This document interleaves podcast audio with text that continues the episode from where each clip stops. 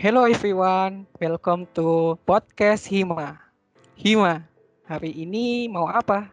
Yang pasti bukan bahan doang dong. Nah, pada episode pertama kali ini, podcast Hima yang sudah kita nantikan akhirnya tayang juga. Dan podcast kali ini akan dipandu oleh saya, Ilzam Ahda, dan juga ditemani dengan narasumber yang sangat menarik. Nah, siapa nih? Nah, tentunya dari mahasiswa kita sendiri dong nih. Ada Mbak Rafita Permatasari, mahasiswa D3 Akuntansi Undip, PSDKU Pekalongan, angkatan 2018. Coba saya hai dong Kak Rafita sambil diperkenalkan lebih dalam gitu. Oke, Ilzam, terima kasih. Halo teman-teman podcast Hima, kenalin aku Rafita Permatasari nih dari Akuntansi Angkatan 2018 PSDKU Pekalongan. Jadi di sini aku nanti mau menjelaskan sekitar tentang Mawapres. Mungkin segitu aja ya perkenalannya ya. Oke, baik. Nah, Mbak Rafita ini salah satu peserta Mawapres. Nah, apa sih Mawapres? Mungkin akan kita bahas lebih lanjut lagi pada podcast Hima kali ini. Nah, yuk kita bisa dengarkan podcast Hima kali ini di rumah masing-masing. Nah, itu dia eh, Mbak Rafita Pematasari, salah satu peserta Mawapres tahun 2020. Nah, hari ini kita akan bahas tentang Mawapres. Apa sih Mawapres? Mungkin bisa kita dengarkan lagi di ngobrol-ngobrol dalam podcast Hima kali ini. Halo Mbak Rafita, boleh dong ini dijelasin ke teman-teman podcast Hima apa sih Mawapres itu? Oke Yuzam, jadi gini ya eh, teman-teman atau adik-adik ya yang pendengarnya Hima Podcast kali ini. Jadi Mawapres itu sebetulnya singkatan dari mahasiswa berprestasi. Tentunya kalian yang punya prestasi ya juga sudah bisa dikatakan sebagai Mawapres. Tapi bedanya kali ini uh, Mawapres ini sebetulnya program dari Kemenristek Dikti yang namanya disebut Pilmapres, pilihan mau eh, pilihan mahasiswa berprestasi. Jadi ini nanti tuh uh, setiap universitas akan mengirimkan satu mahasiswa terbaiknya untuk di uh, dilombakan di tingkat nasional. Jadi Mawapres ini ya mahasiswa yang terbaik gitulah intinya.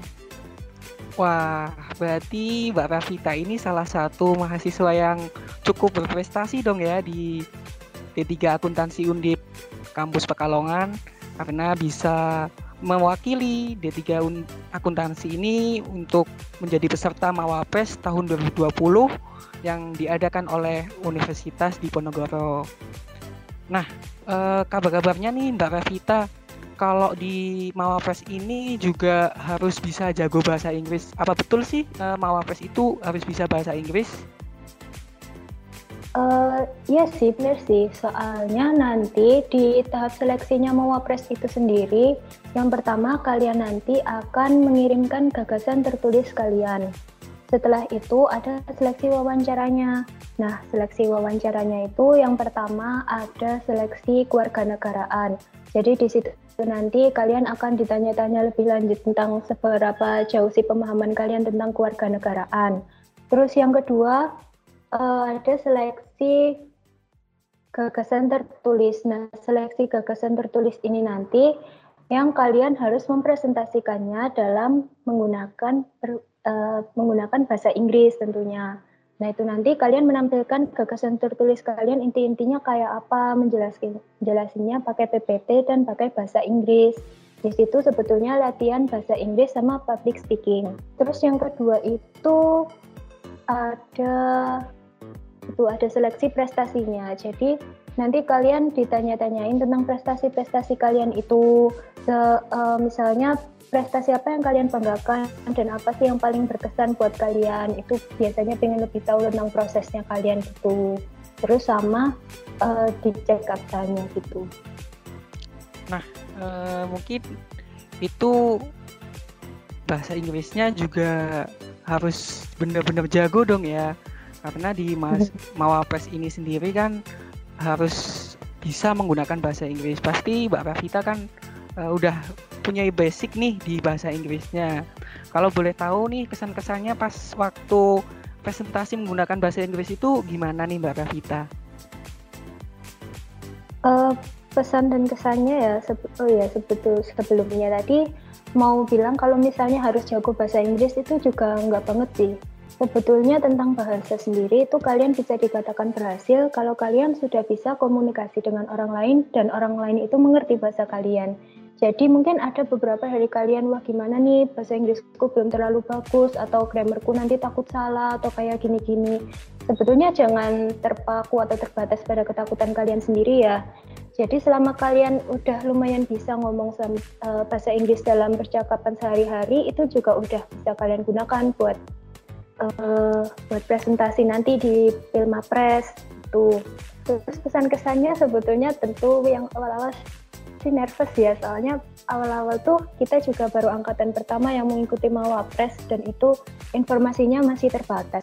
Jadi waktu itu juga aku sebenarnya baru tahu kalau pakai bahasa Inggris juga terus buru-buru nyiapin presentasi gitu. Jadinya emang misalnya kita informasinya masih kurang gitu.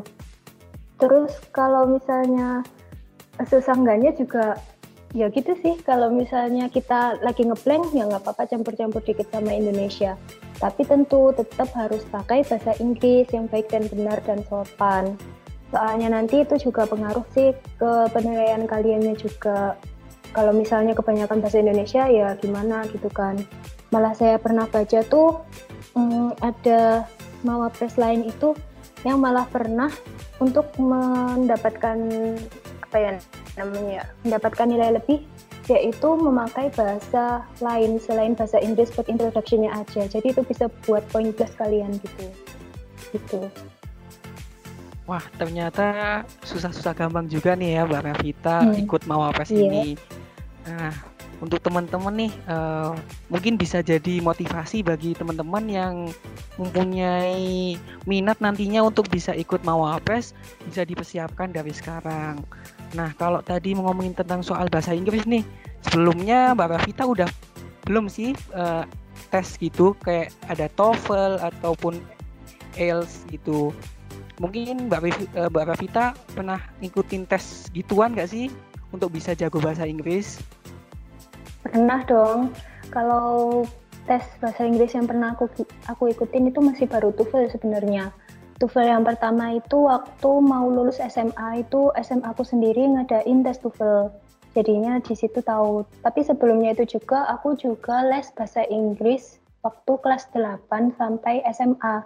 Jadi di situ juga dikenalin bahasa Inggris dari basicnya gitu tentang grammar-grammar Nah, terus itu, tapi di situ nggak terlalu berlatih speaking sih, cuman ya lebih ke beberapa aspeknya bahasa aja, kayak listening, reading, uh, terus speaking, gitu-gitulah ya.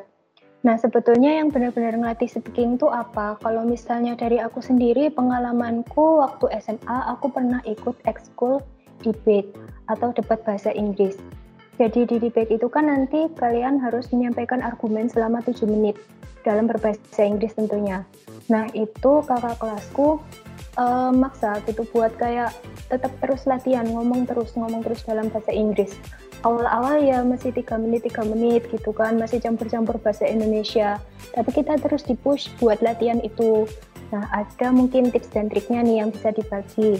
Kalau dari kakak kelasku itu bilang kamu harus latihan setiap hari ngaca atau ya kayak ngomong di depan cermin gitu loh selama kurang lebih 15 menit lah dalam sehari itu ngomong pakai bahasa Inggris. Kalau misalnya kalian nggak tahu kosakatanya tuh kalian carilah di HP gitu kan di kamus kan banyak ya bisa di Google Translate gitu. Tapi cuma satu kata aja gitu. Jadinya nanti paketnya kalian tuh nambah. Nah terus kalau aku sendiri sih kan dulu waktu SMA juga sibuk ya jadinya itu waktunya terbatas Nah, kebetulan dari SMA aku ke rumah itu jaraknya lumayan jauh, butuh perjalanan sekitar 30 menit. Nah, waktu pulang sekolah tuh biasanya aku suka ngobrol sendiri sih di jalan. Kayak apa ya?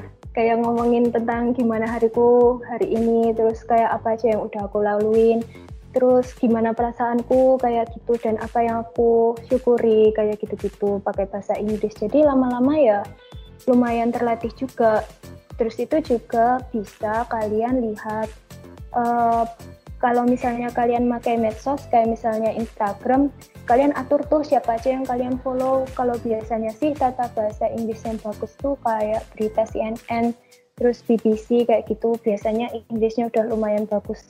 Ya bagus sih. Jadi itu bisa buat nambah kalian gitu loh.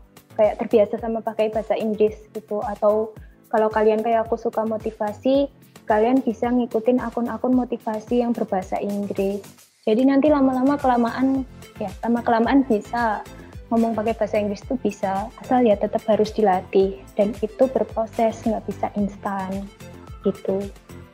Wah ternyata Mbak Rafita ini juga cukup jago ya udah punya basic dalam bahasa Inggrisnya udah dari kecil nih udah bisa belajar bahasa Inggris udah sama bahasa Inggris mungkin bisa jadi motivasi teman-teman dan juga tadi juga ada tips and triknya dari Mbak Rafita gimana sih untuk bisa jago bahasa Inggris. Nah, lalu menurut Mbak Rafita nih uh, dari 1 sampai 10 kalau uh, disuruh untuk menilai skala fasihnya bahasa Inggris Mbak Rafita ini di angka berapa sih? Dan hal apa yang mendorong Mbak Rafita bisa mengikuti Mawapres ini?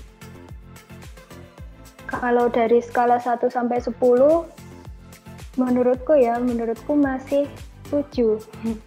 Soalnya itu mungkin kadang tuh aku masih blank dan bisa masih mix sama apa itu mix sama bahasa Indonesia. Jadi kadang itu meskipun ya lumayan lancar, tapi kadang ada beberapa vocab yang aku lupa. Jadi makanya itu aku kasih nilai 7. Terus juga kadang grammarnya juga masih salah-salah. Kayak gitu sih. Terus kalau motivasiku motivasiku ikut Mawapres, yang pertama ya selagi ada kesempatan kenapa nggak diambil gitu kan Mawapres ini tuh juga ajang bergengsi loh buat kalian yang mahasiswa. Selama kita jadi mahasiswa ya kenapa kita nggak coba buat lebih gitu. Kan kita jadi mahasiswa itu juga nggak sembarangan orang yang bisa jadi mahasiswa. Kita juga pasti tahu ada yang nggak yang nggak diamenai buat jadi mahasiswa. Jadi selagi kita masih jadi mahasiswa nih dimanfaatkan semaksimal mungkin. Kalian juga ikutin kayak organisasi, terus berlomba sebisa mungkin, terus juga uh, itu sih manfaatkan kesempatan-kesempatan yang ada. Kalau buat rintangan-rintangan ke depannya sih, ya nggak apa-apa. Itu dianggap menjadi sebuah proses kita membuat menjadi lebih baik lagi. Itu semua nanti menjadi pembelajaran. Kalau buat Mawapres sendiri itu sebetulnya banyak banget yang bisa didapetin tuh. Dari Mawapres tuh aku pribadi jadi ngerti gitu oh tingkatnya uh, mahasiswa lain itu segini ya kayak segini gitu prestasinya sampai kayak gini. Mereka benar-benar ada ya kita jadi keluar dari lingkungan kita dan pikiran kita menjadi lebih terbuka. Ini loh persaingan kita yang sesungguhnya. Itu aja masih se apa ya masih se tingkat jurusan sama jurusan-jurusan lain itu yang masih D3 D4 itu udah segitu loh. Jadi itu saya lebih terbuka lagi. Wah aku harus terpacu nih termotivasi buat ingin berprestasi lebih gitu selagi masih ada waktu. Jadi buat kalian-kalian tuh adik-adik tingkat itu please usahain banget buat ikut mawapres itu persiapin dari sekarang. Itu beneran bermanfaat banget buat kalian kok, beneran. Wah, tentunya ini Mawapres ini bisa menjadi motivasi kalian nih di, untuk bisa ikut Mawapres. Karena di Mawapres itu sendiri yang udah dijelasin sama Mbak Rafita itu sangat-sangat bermanfaat untuk kita dan juga acaranya juga seru ya Mbak Rafita ya. Karena bisa iya, melatih bisa melatih skill kita di bidang pendidikan dan juga bisa uh, melatih bahasa kita dan terus tadi ada seperti keluarga negaraan kita tahu apa sih eh, keluarga negaraan yang dipelajari apakah udah sesuai apakah kita udah ngerti itu. Tentunya ini sangat bisa bermanfaat sekali untuk teman-teman nih kalau yang mau bisa ikut Mawapres. Nah para pendengar Hima Podcast kali ini mungkin akan tertarik juga nih ya. Semoga bisa tertarik untuk ikut Mawapres. Harus nah, tertarik untuk, tuh nah untuk e, caranya ikut Mawapres itu gimana sih Mbak Rafita? Apa aja sih yang harus kita siapkan agar kita bisa ikut Mawapres ini Mbak Rafita? Iya, jadi gini, buat yang dipersiapin itu sebetulnya yang pertama dari prestasi. Prestasi itu banyak ya, e, bisa dari IPK kalian aja itu juga bisa dianggap prestasi. Jadi kalau kayak aku dulu juga masih pakai IPK, Jadi usahain itu setiap IP kalian ses, uh, setiap semester itu kalau bisa naik dan konstan kayak gitu. Itu nanti bisa jadi poin. Terus juga kalau prestasi itu yang dapat nilai biasanya tingkat provinsi, tingkat nasional, bahkan tingkat internasional. Kalau misalnya kalian pernah ikut kayak peserta seminar internasional gitu atau pernah menjadi perwakilan tingkat internasional juga bisa diajuin gitu. Nanti bisa dinilai. Terus yang kedua itu kalian organisasi. Organisasi itu juga bisa dinilai ternyata di Mawapres. Jadi kalau misalnya kalian jadi ketua organisasi atau pengurus inti dari organisasi, itu juga dapat poin plus buat Mawapres ini. Terus yang ketiga, kalian harus menyiapkan bahasa Inggris sama public speaking. Yang udah aku bilang tadi bagaimana caranya uh, meningkatkan skill kalian dalam berbahasa Inggris udah aku bilangin tadi ya. Terus kalau public speaking itu ya dilatih. Kayak mulai dari berani berpendapat saat kuliah seperti itu. Ya kayak gitu. Terus yang keempat siapin buat gagasan tertulis. Soalnya biasanya itu uh, informasi mawapres itu juga kadang bisa mepet uh, pengumumannya. Jadinya itu kalian kalau bisa uh, siapin gagasan tertulisnya dari sekarang. Terus yang kelima, Mawapres itu juga memperhitungkan sikap dan perilaku kalian. Jadi kalau misalnya kalian sudah sampai ke tingkat universitas, kalau nggak salah, itu nanti ada psikolog yang uh, menilai sikap dan perilaku kalian dari tata cara makan, dari berbicara dan lain sebagainya itu juga dinilai. Jadi buat apa gitu loh kalau misalnya prestasinya banyak tapi sikapnya nggak bisa dicontoh kayak gitu. Namanya kan menjaring mahasiswa berprestasi kan mahasiswa terbaik se-Indonesia. Jadi harus baik juga dari, dari segala aspek gitu. Kalau buat tata cara pengikutannya biasanya sih ada informasinya di IG BEM atau di IG-nya Hima mungkin nanti ada biasanya. Soalnya setiap tahun juga beda-beda sih, bisa beda gitu. Nah gitu teman-teman caranya tadi udah dijelasin sama Mbak Revita gimana sih e, caranya ikut Mawapes. Nah untuk acara Mawapes ini biasa diadakan setiap tahun ya Mbak Revita. Nah untuk iya. informasinya yeah. mungkin e, kalian bisa ikuti di IG BEM ataupun IG kita di Hima Akuntansi D3 Undip PS3U Pekalongan. Nah, selain itu uh, kalian harus bisa mempersiapkan dari sekarang nih apa aja yang harus dipersiapin untuk ikut Mawapres kali ini. Nah, ikut Mawapres kali ini juga sangat bermanfaat sekali bagi kita tentunya yang ikut Mawapres. Nah, Mbak Rafita ini kan pernah ikut Mawapres dan menjadi salah satu peserta yang mewakili di Undip PSDKU Pekalongan di prodi akuntansi. Nah, kalau boleh tahu lagi nih uh, bisa diulang apa sih tips and tricksnya untuk bisa fasih eh, berbicara bahasa Inggris. Tadi kan di Mawapres itu sendiri harus bisa berbahasa Inggris gitu ya Mbak Rafita. Boleh dong uh, bisa dibagi tips and triknya pada pendengar setia Hima Podcast kali ini tips dan trik tambahan aja kali ya. Kalau tips dan trik tambahannya, kalian bisa cari temen yang mau diajak ngomong bahasa Inggris.